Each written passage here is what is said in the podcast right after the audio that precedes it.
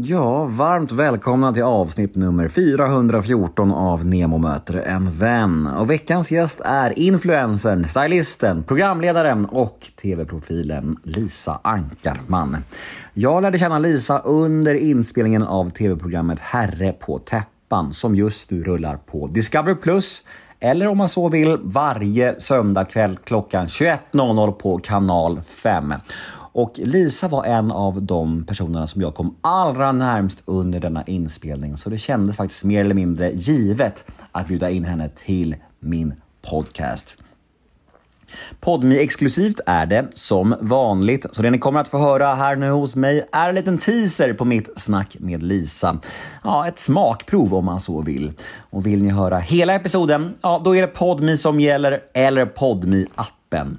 Och som ni säkert vet vid det här laget, de 14 första dagarna hos Podmi är ju helt gratis. Så jag rekommenderar alla att i alla fall testa gratisperioden hos Podmi och sen kan ni utvärdera efter det om det var någonting för er helt enkelt. För det är ingen bindningstid, ingen uppsägningstid, inget sånt trams. Bara 14 gratis dagar där ni kan testa på Podmi.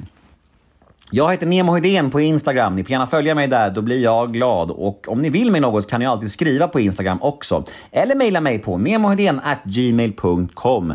Och den här podden klipps av Daniel Eggemannen Ekberg. Men nu drar vi igång avsnitt nummer 414 av Nemo möter en vän. Här kommer nu teasern med Lisa Ankarman och vill ni höra hela episoden, ja då är det Podmi som gäller. Och glöm nu inte att all podcast hos Podmi är ju helt reklamfri. Mums, det är ju så podd ska avnjutas. Men innan vi kör igång teasern, här kommer nu en liten, liten jingel.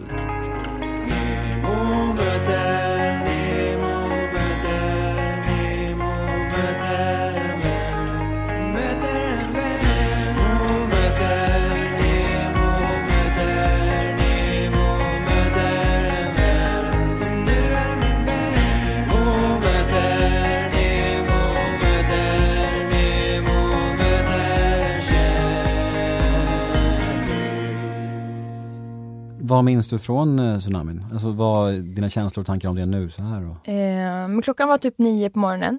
Så jag sov, för jag var tonåring. Eh, men min lilla syster kommer in och säger vi har fått kattungar här ute, så du måste komma ut och kolla. Och jag är inte särskilt intresserad av djur. Så jag kände att jag ska inte kolla på några kattungar. Men hon tjatade så mycket så jag gick ut. Vi bodde i en bungalow på stranden. Eh, så att hon räddade nog faktiskt livet på mig där. För när vi var där ute sen med kattungarna, då kom den här vågen. Liksom. Och då var det bara alltså, springa det värsta man kunde. Så då sprang pappa med min lillebror åt ett håll, mamma sprang åt ett håll. Min syster, alltså folk började springa så mycket från stranden så min syster hamnade i någon slags tumult där hon bara blev liksom puttad fram och tillbaka. Mm. Eh, så jag sprang och hämtade henne och sprang efter mamma och sen sprang vi upp i bergen. Men det var ju liksom verkligen sista sekunden. Mm. Så, men alla klarade sig helskinnade i din familj i alla fall? Ja, ja. Eh, jag och mamma och min syster kom upp i, som tur var fanns det liksom ett berg bakom så att vi kunde komma upp över eh, vågens vad ska man säga, höjd. Mm. Eh, men pappa och Olle hamnade i poolen på hotellet med vågen.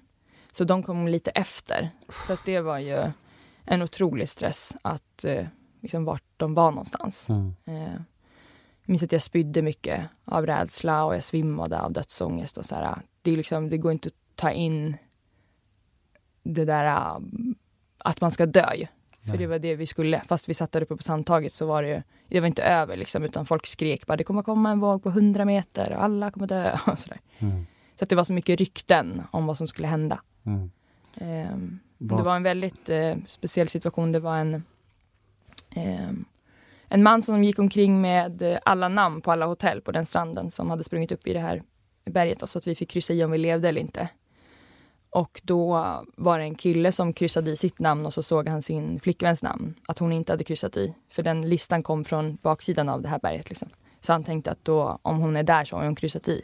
Mm. Eh, och han eh, liksom satt bara där helt stelfrysen och liksom, han grät inte eller någonting. Han var bara så chockad att, han, att hon var död. Liksom.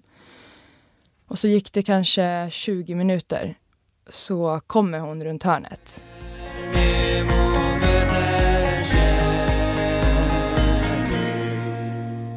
Ja, där var ju tyvärr tisen redan slut. Där var smakprovet över. Känns det trist? Vill ni ha mer av Lisa Ankarman? Ja, jag kan förstå det. Hon är ju väldigt härlig. Men vet ni vad? Då har jag en lösning på detta begär som ni känner.